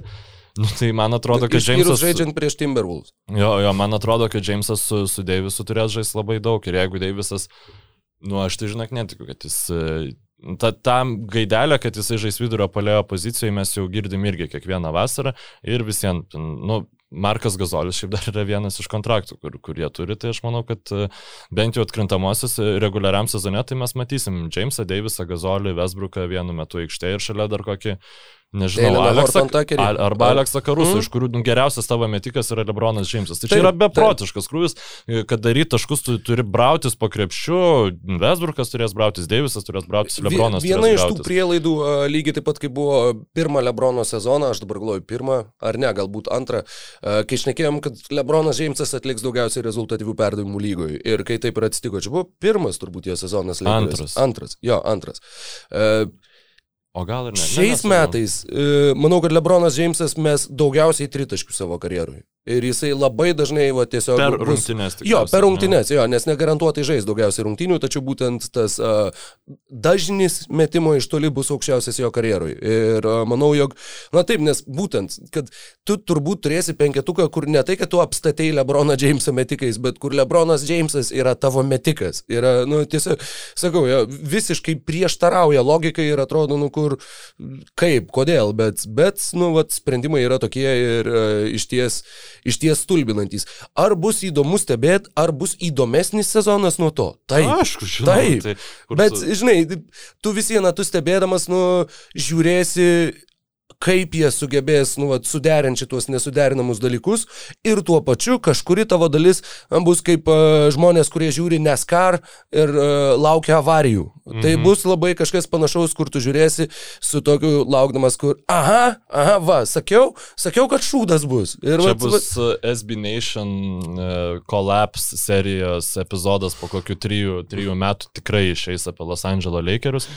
Aišku, aš iškart turiu pasakyti, kad aš labai buvau kritiškas e, Ražono Rondo, pavyzdžiui, integracijai į Los Angeles Lakers sudėtį. Kai jie laimėjo žiedus, Rondo tritaškius ten metė neįtikėtinai. Tai, va, tai galbūt Russellas Westbrookas iš tikro dabar ten, nežinau, sukaups visą savo, suspaus ego ir sukaups likusias jėgas iki tiek, kad jis taps tikrai naudingų krepšininkų ir aš, mano šitie teiginiai bus visiškai nieko verti, bet nu, man kažkaip atrodo, kad imt krepšininką iš idėjos, kad jisai bus tuo, ko jis niekada karjeroje nebuvo, Arba buvo, bus toks, nu, nes faktas, kad nu, jis nebus toks, koks jis buvo savo MVP sezono Oklahomai, nu, ta prasme, tai jau nebėra, o, ne, jis, jis tai nebėra tas nebus. pats krepšininkas.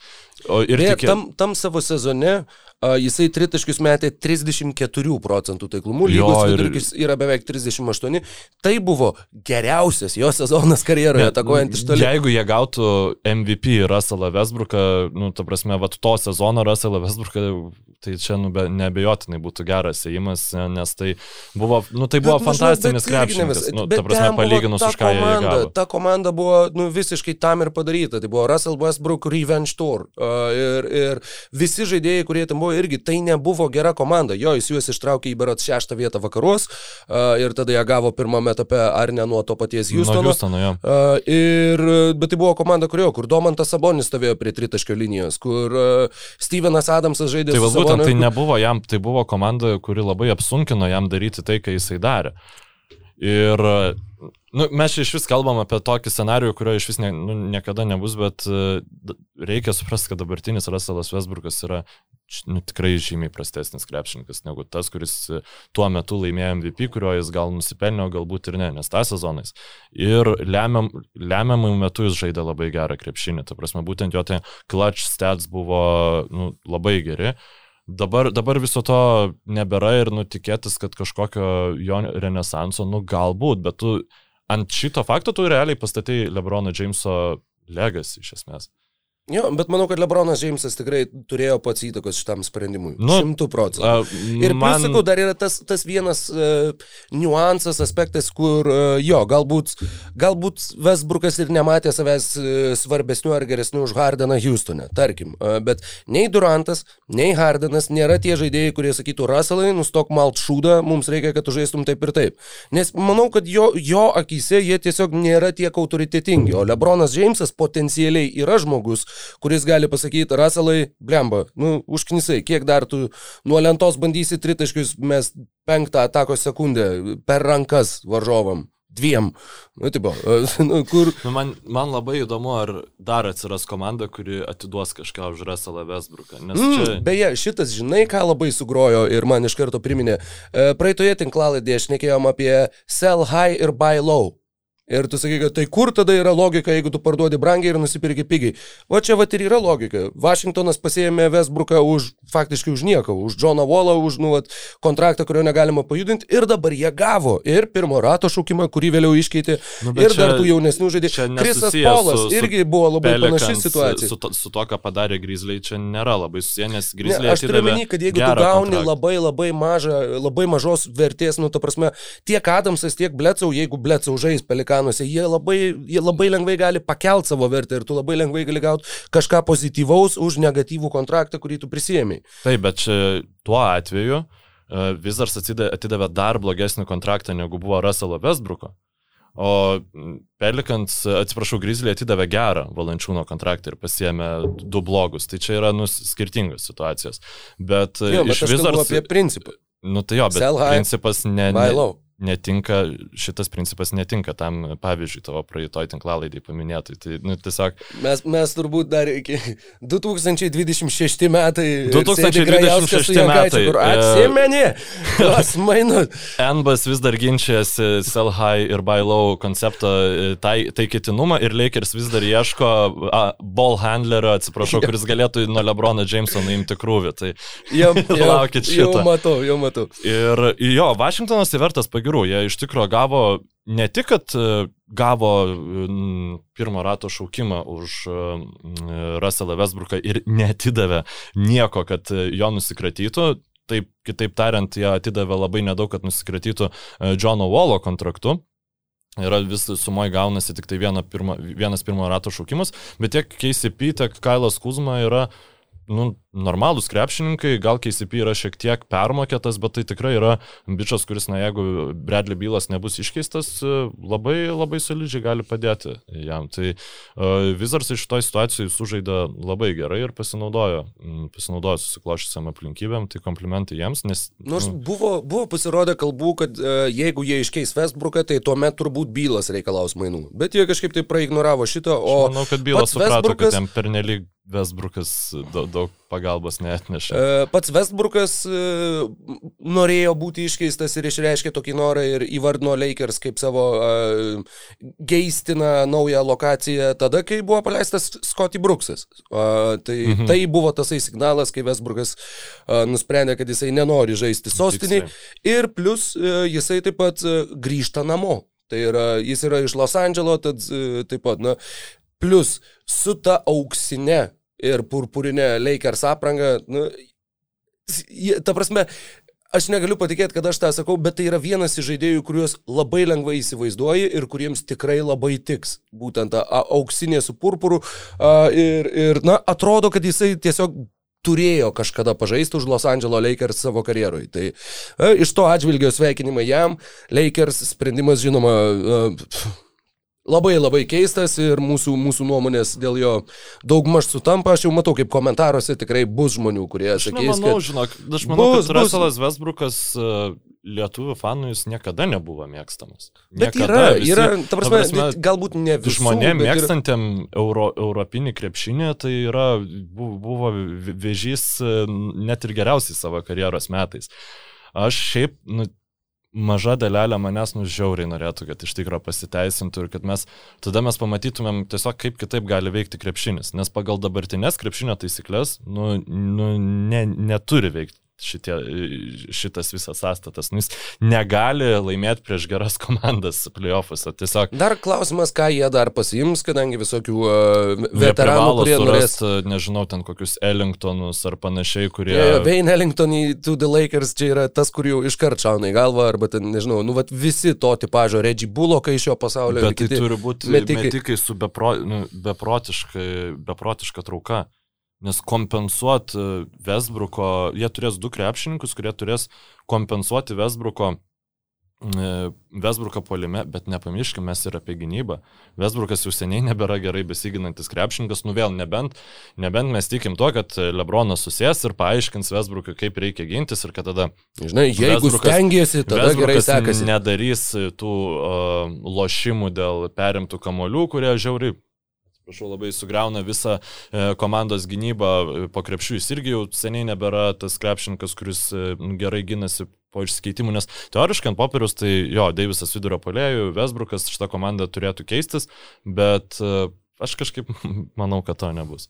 Ražonas Rondo, beje, kadangi čia uh, skaičiavau, 2020 atkrintamosiose pataikė 20 iš 50. Nu, Mes tų tritaškių tai yra 40 procentų lygiai. Tai yra, jeigu tu kažką bent jau panašaus gautum iš Westbrooko, tai tuomet visą tai, apie ką mes kalbėjom, keistųsi iš esmės. Jo, jo, bet, bet sakau, tikėtis, kad ir jisai uh, užsikrėstų, negaliu nepataikyti virusų, kažkaip, na, nėra jokių prielaidų. Tiesiog tiesiog nesimato iš kažkur. Plus apie playoff rondų mes šnekėjom e, eilę metų. E, ta prasme, ta, ta, tai, buvo... tai egzistavo kaip reiškinys. O playoff Westbrook, e, na, tokio reiškinio nėra, arba jisai yra pana... arčiau ne playoff rondo, o playoff harden. Ir, na, sakau, tikėtis to kažkokio šuolio į viršų. Mm, mm, na. Aš dabar galvoju, kas būtų naudingiau, ar dabartinis Westbrookas Lakersam, ar tas su viena kirkšnim žaidžiantis Jamesas Hardenas, kurį mes matėm serijoje prieš Milwaukee Bucks, tai, žinai, labai stipriai dar padvėjočiau, žodžiu. Tai, Nežinau, turbūt e, Vesbrukas šitą temą kaip, kaip ir išsėmė. Lakersai domisi Demaru Derozanu. Nu, jo. Dar vieną žaidėją, kuris prasme, jeigu, jie, jeigu, gerai. jeigu jie pasims Demarą Derozaną, tai tada aš tikrai prašysiu lažybų kontoros, kad man asmeninį pasiūlymą pateiktų tam, kad jie savo taxpayer, taxpayer mid-level išnaudotų ant Ražono rondą. Ir... Žinai, ko dar, uh, Carmelo Anthony. Šiaip Karmelo Šiaip Antony. Jau, beje, jo, iš visų šitų išvardintų krepšininkų, nu, mes čia tiek jų ir tai išvardinom, bet Karmelo Antony aš visai įsivaizduoju ir kad visai jis, na, jis nu, gali mesti iš pagavimų, jis gali jo pataikyti, jis, jis nebūtų labai blogai ir uh, jis parodė Portlandą, kad jis ir gynyboje gali, na, gali nu, jam, stengtis, gali judėti. Tinka, jis jau tai... yra ribotas, bet, bet kai jis įdeda pastangų, jis faktiškai atrodė gynyboje geriau negu atrodydavo New York'e, nes jis ten tiesiog vaikščiodavo nuleidęs rankas ir kur, žinai, kai tu jau užsiknisęs, tavo komanda gauna ant 15, bet kieme tu dar turi pabaigti šitas rungtynės. Tai va, va tokia emocija nueidavo New York'e gynyboje, o uh, Portlandė iš tiesės, kai, nu, va, sakau, tas buy-in yra angliškas terminas, kur, nu, va, kai tu iš tikrųjų uh, investuoji save į, į tą žaidimą gynyboje Atsiduodi. Jo, atsiduodi gynybai. Jo, atsiduodi gynybai. Lab, labai padeda, ge, gerai ginasi tie, kurie turi ilgiausius. Tie, jo, ir dėl to, kad Toronto Raptors tas su, komanda, kur labai daug su ilgiausiais. Taip, Baksai irgi rinko su ilgiausiais. Ir Janį, ir Toną Makerį turėjo. tai nežinau, turbūt e, Lakerius mes jau kaip ir išsiemėm. Kaip ir jau išnarstėm, mano manimu. Pas, paskutinis tada, nežinau, toks kaip ir intro į tai, kas mūsų laukia šią naktį, žodžiu, jau ganėtinai yra uh, užtikrinta informacija, nes dabar po praeitų metų Bagdanovičius fiasko dabar jau uh, Vauž, Vauž gavo per kuprą, manau, už tai, kad uh, sugadina tą dylą Baksam ir dabar yra toks tvitas paskutinis, kad Miami Heat, kurie paėmė priėmė Gorono Dragičiaus player option 19 milijonų, čia team option, atsiprašau, 19 milijonų, jie dabar labai stipriai galvoja ir gali būti favoritais dėlę dėl Kailo Lauri sign and trade. Atkoduojant, Atkoduojant, jie yra favoritai. Jie yra favoritai ir jie yra... Jie duoda ir... Goroną Dragičių ir prieš jūsą ačiūvą. Jo, jo, čia jau... Nu, Brangų jį ant šių. Skamba tikrai kaip tiesiog jau... Mm, paskelbtas dylas, tiesiog nenorima gauti tų visų a, lygos sankcijų. Ir man iš Toronto Raptors pusės, na, jeigu tai būtų pernai atlikti mainai, aš sakyčiau, galbūt buvo galima gauti kažką daugiau, bet pernai neįvykę mainai parodo, kad tas daugiau kažkaip niekas atiduoti ir nenori. O man prieš jūs ačiūva, tai Miami atrodė labai gerai ir Vėl e, krepšininkas su pakankamai ilgu, e, žodžiu, iš ties tų rankų ilgio. Tai įdomi pasitpolkė. Ja, e, Kaip suspragė. Kalambūrų pasutpolkė. E, šitas Senbo podcastas jūs sveikina su e, štai jie. Neveltui, bet, neveltui lyjo Vilniuje. Bet šiaip e, priešus, jeigu jau kalbant apie labai tolimą Toronto Raptors ateitį, tai nu, Scotty Barnesas ir priešus ačiūva vienam penketą man skamba pakankamai įtariai galbūt bent vieną šito krepšininko metimą pavyks sutvarkyti. Tai, nu, žiūrėsim. Šiaip Nigerijos rinktiniai pakankamai, visa Nigerijos rinktinė mane nuvylė skaudžiai, nes tie pirmi du keliniai prieš Australiją atrodė labai daug žadančio to krepšinio, pagaliau kažkaip vat, su mintim Nigerijos rinktinė žaidžia ir panašiai, tačiau dėja. Bet ten buvo ir labai pats. daug kosmoso, matai, čia mes į metų po to šnekėjo, ten kur. Mm. Vienas buvo dalykas, pavyzdžiui, kad kai jie atskrido, man atrodo, keturių trenerių štabo narių neįleido į Japoniją, nes Nigerijos krepšinio federacija tiesiog jų neįtraukė į sąrašą. Buvo šiaip. labai labai daug, va būtent tų, kur ten, ten apsunkinimų visokių, aš dabar tiksliai ten tų detalių neatsiminsiu, bet kad jo, jie iš esmės kovoja su krepšinio federacija, kuri, kuri atrodo, jog net, net specialiai sabotuoja tą krepšinio programą ir, žodžiu, ten dėl to jie tikrai labai stipriai kamuojasi. Jo, Nigerijos ir futbolo federacija labai daug taip, taip, taip, taip. yra turėjus, tai ten tikrai su sporto organizuotumu toj šalyje Ypač turint omeny šiaip jos dydį, nu, tai prasme, tai nėra šiaip kažkokia. Tai beveik, beveik 200 milijonų. Daugiausiai gyventojų turinti Afrikos valstybė. Jo, ir kažkada prognozuojama, kad e, ten vidury šito amžiaus galbūt net ir ten apie milijardą jau galėtų hitinti, kas būtų ten visiškai neįtikėtina, bet, e, nu, čia jau visiškai kitos, e, net ne NBO podcast'ui, bet vis, visiškai kitam podcast'ui Ge skirta, skirta diskusija. Palikime Ramanauskui ir Bačiuliui. Bet iš esmės dar apie šitą dylą baigiant, tai tikėtina, kad Raptors įtrauks į tuos mainus dar kažkokią kitą komandą. Labai gali būti, kad tai bus Dallas Mavericks, kurie 2019 berots ne, jau buvo beveik gavę Goraną Dragičių ir tada galiausiai mhm. jo negavo. Jo, ir, jo, ir jiem Dragičius dėl Dončičiaus. Uh, uh, jo, jo, šiaip labai logiškai pateisinama. Nes Mavericksai paleido uh, Joshą Richardsoną, kuris, sakykime, na, kokį, koks nesėkmingas dylas, šiaip turint omeny, kaip mes juo džiaugiamės. Uh, ir kaip setas kari šiaip atrodė Sixeriuose mm -hmm. ir Ir tai, kad jie dabar... Dabar jie... ir mačiau Mavericks ir galių formę, kai jie jau išsiuntė Richardsoną į Bostoną. Uh, ten dauguma komentarų, kad jie, ačiū Dievui, mums nebereikės jo matyti Dalase. Uh, bet vienas iš komentarų buvo, nu tai ką, tai mes žodžiu, iš, we traded set curry for cap space. Nu, Moses Brown Dab, dabar jau paaiškėjo jo, kad ateina ir Mauzis Braunas, bet jūs planuojate turėti Porzingį, Marjanovičių ir Mauzisą Brauną vienoje vienoj sudėtyje? Nu tai aš manau, kad Marjanovičius nėra labai kažkoks didelis stabdis, o... Bet uh, jis yra labai didelis prioritetas, jie labai siekia išlaikyti Bobaną Marjanovičių. Nu, Marjanovičius yra toks bičias, kurio tu gali neleisti 40 mm. rungtynių ir tada išleisti playoffuose šeštose rungtynėse ir jis tampa tavo pagrindinė žaidimo ašim ir viskas jam su to yra ok. Dėl to tokie krepšininkai yra labai vertinami. Jie galėtų suleisti Porzingį ir Marijanovičių ir Mauzisą Brauną ir žiūrėti, kaip pasaulis dega. Ir visiems Luka. Ja, ir Luka visiems padarytų. Ja. Nu, jeigu dar Bobanas pradėtų tritaškius mėtyti kartu su Porzingu, tai čia būtų tai iš Jeigu mes galim tikėtis, kad Vesburgas pradės tritaškius gerai pataikyti, tai kodėlgi... Tai kodėl, jo, dar klausimas, kuris iš jų turi daugiau šansų. O šiaip Mauzesas Braunas yra aikštę vertikaliai geriau praplečiantis krepšininkas negu tas negu pats kuris... Dwightas Pavolas, tai ten ja. gali labai įdomių dalykų vykti. Um, Vili Kolištainas tikrai nėra krepšininkas, prie kurio ta organizacija būtų labai prisirišus. Jie kažkaip. pasinaudojo komandos opciją, jį išsaugo kitam sezonui. Jo, tai dabar bet, jie turi ir dar ir Kolistainą. Bet žinai, nu, čia tiesiog išsaugo, nu jeigu ką, tai jie galės paleisti. Jo, jį iškeisti arba taip. Didelės... Tai, 4 milijonai, man atrodo, yra jo kontraktas ten su, su centais. Apskritai Mavericks turi 33,5 milijonų JAV dolerių savo algų biudžete. Kailas Laurij Kalbama, jog nori maždaug apie 30 per metus ir keturiems sezonam. Labai daug komandų šiaip e, norėjo šito krepšininko, bet panašu, kad vis dėlto Miami's jį užsitvirtino. Jo, jo. Tie patys, tas pats Delasas, žodžiu, tikrai būtų sumokėję jam tos pinigus. Šiaip... E, aš, aš turiu spėjimą, kokį žaidėją pasims Dalasas, kai jiems nepavyks pasimti Kailo Laurį, nes jį gaus Miami's. Taip. Tu, tu neturi. Tai aš sakiau Goraną Dragičių. Ai, Goraną Dragičių. Nu jo, jeigu tai yra tas trijų komandų mainų uh, scenarijus. Nu, nebent jie sugebėtų ten ne, matai, tą pavalą pridėti ir dar kažką, nes šiaip jo, tai tada jiems reikėtų kažką keps... tai iškišti. Ai, ne, jie, jie atlaisvinė yra kaip space, tam, kad, jo. pavyzdžiui, galėtų pasimti Kailą Laurį, bet tikėtina dabar pagal dabartinės tendencijas, kad jiem to padaryti nepavyks ir jie tiesiog e, pasims Goraną Dragičių. Ok, tavo spėjimas yra Goranas Dragičius, aš tuomet turiu kitą spėjimą ir mes galim sukirsti iš pietų uh, Baku arba, arba kažkur čia kitur. Jo, arba matėm dar panašus į Baku yra ir armeniškas čia išvažiuojant bus.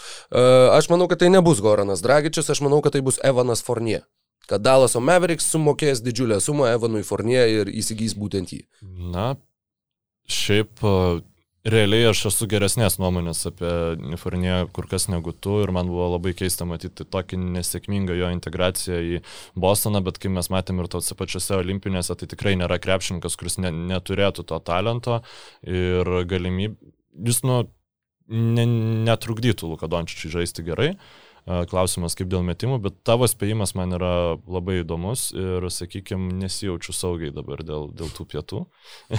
Matai, galbūt, galbūt tiesiog nusipirksim savo po pietų. Jo, galbūt, nes, nes nespėsim ne vieną. Jo, e, kas dar? Čikagos Bulls labai domisi Lonzo Bolu. E, Išsiuntė e, Daną, gavo už tai Deloną Vraitą. E, čia Hawks. Hawks išsiuntė, jo, tai žodžiu, atsiprašau. Jo, Čikagos Bulls. Jau kurį laiką ten Krisas Danas nežaidžia. Jo, jo. E, bu, bu, bu, bu, bu. Ką čia žiausi sakyti, taip, jo, jie turbūt pateiks didžiulį pasiūlymą Lonzo Bolui, aš labai tikiuosi, kad Pelikanai tą pasiūlymą išlygins. Šiaip turėtų, nes ta, ta jų vizija gauti Kailą Laurą. Pa, mes pasimsim pritariu. savo Krisą Polą ir būsim naujieji Phoenix'o nu. Suns. Nu, man atrodo labai prastas planas, plus paleist Lonzo Bolą, Lonzo yra 23, jeigu nesumiluosiu, galbūt keturi. Jis, jis yra daug arčiau, sakykime, tame, tame toje laiko juostoje kartu su Zionu Williamsonu, negu kad 35 penkerių metų Taip, Kailas Lauri. Kailas Lauri jisai labiau tinka prie Zajono negu Lonzo Bolas, bet... Jo, nu, jam spalio tai, pabaigoje bus 24 Lonzo Bolų. Jo pusantrų ar trys metai, nu galbūt dar per anksti nurašyti šitą krepšinką. Plus, E, mes galim prisiminti Bruklino Nets e, žaidimus, nu, tai jeigu yra komanda, kuri dabar duos tokį kontraktą Lonzo Bolui, tai yra komanda, kuriai tu galėsi paskui tą Lonzo Bolo iškišti. Ir iškišti, jo, jo, nes tie, tie į žaidėjų rinką visa, visada yra ir bus deficitinė, bent jau, nebent Rokas Jokubaitis viską pakeis. E, tai O bus į žaidėjų pasiutpolkė. Šitą ir e, tada Nežinau, dar kas yra Spenceris Dinvidį, e, kuris kol kas dar su nieko niekaip nėra siejamas. E. Yra siejamas, jis yra siejamas su visom tom komandom, kurios ieško žaidėjų, bet visur yra minimas kaip planas B. Bet kažkaip aš tokio rimtesnio gando dar nesu girdėjęs. Ne, mačiau, mačiau, kad ir, ir... Pelikans e, neva, vat, jeigu negautų Laurį, tai tuomet būtų, būtų susidomėję Dinvidžiu. Bet... Ir Denisas Šrūderis yra visiškai realiai priklausomas nuo to, kiek piniginę nusteikia patuštinti ir kokius pasiūlymus gali gauti Los Angeles Lakers. Nes jeigu Lakers nuspręs jam kontraktą nesiūlyti, tai Šriuderis praras labai labai daug pinigų. Mano tokia nuomonė būtų. Uh, Spenceris Dinvidy pagal naujausią informaciją yra labai labai realus uh, taikinys uh, ir vietoj jo Bruklinui irgi pa, pasirašyk ir mainyk situacijoje būtų siunčiamas arba Montrezas Herelas arba Kailas Kuzma. Vizardam mirtinai reikia į žaidėjo. Jie uh, išsiuntė Westbrooką, Išas Smithas ir uh, Haulis Neto uh, yra, yra irgi laisvėjai agentai. Jie gavo Aaroną Holiday, tikėtina, kad jis bus atsarginių žaidėjų, jeigu jie, jie jį mato kaip startinį žaidėją, tai uh, na, būtų labai liūdna. Uh, perfrazuojant vieną iš, iš girdėtų frazių, kurios visai prajuokino. Je, jeigu yra Holiday... trys broliai Holiday, trys broliai, žodžiu, išeiginės, uh, tai Drew yra Kalėdos, Justinas yra Velykos, o Aaronas yra fucking vėlinės. Jos irgi turi atostogas, bet, nu... nu gal, gal man labiau žolinės kokios, aš, aš nu, nežinau, aš, aš kažkaip iš... su, su atostogom man labai susisieju ir su tai mokyklinėm atostogom. Ai, nu, okay, tai, jo, nu, žinai. Nes e, jo, e, Aaronas Holiday man jis iš vis net, nu, jis man labiau atsarginis gynėjas yra negu įžaidėjas, nes Paceriai visada turėdavo, ten su juo dažniausiai Makonelis žaisdavo, mm. tai tikrai... Makonelas, Samneris. Tai tikrai, tikrai ne, negali, nu faktas, kad kažkokį žaidėją jie pasiims, ar tai bus geresnis ar blogesnis variantas, matysim.